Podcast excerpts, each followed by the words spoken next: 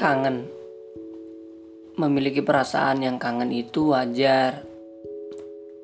Karena memang pada kenyataannya dalam hidup kita butuh itu.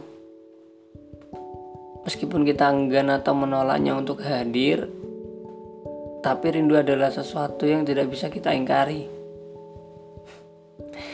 Jika rindu dapat diatur, terbayangkan betapa membosankannya kamu dan dia.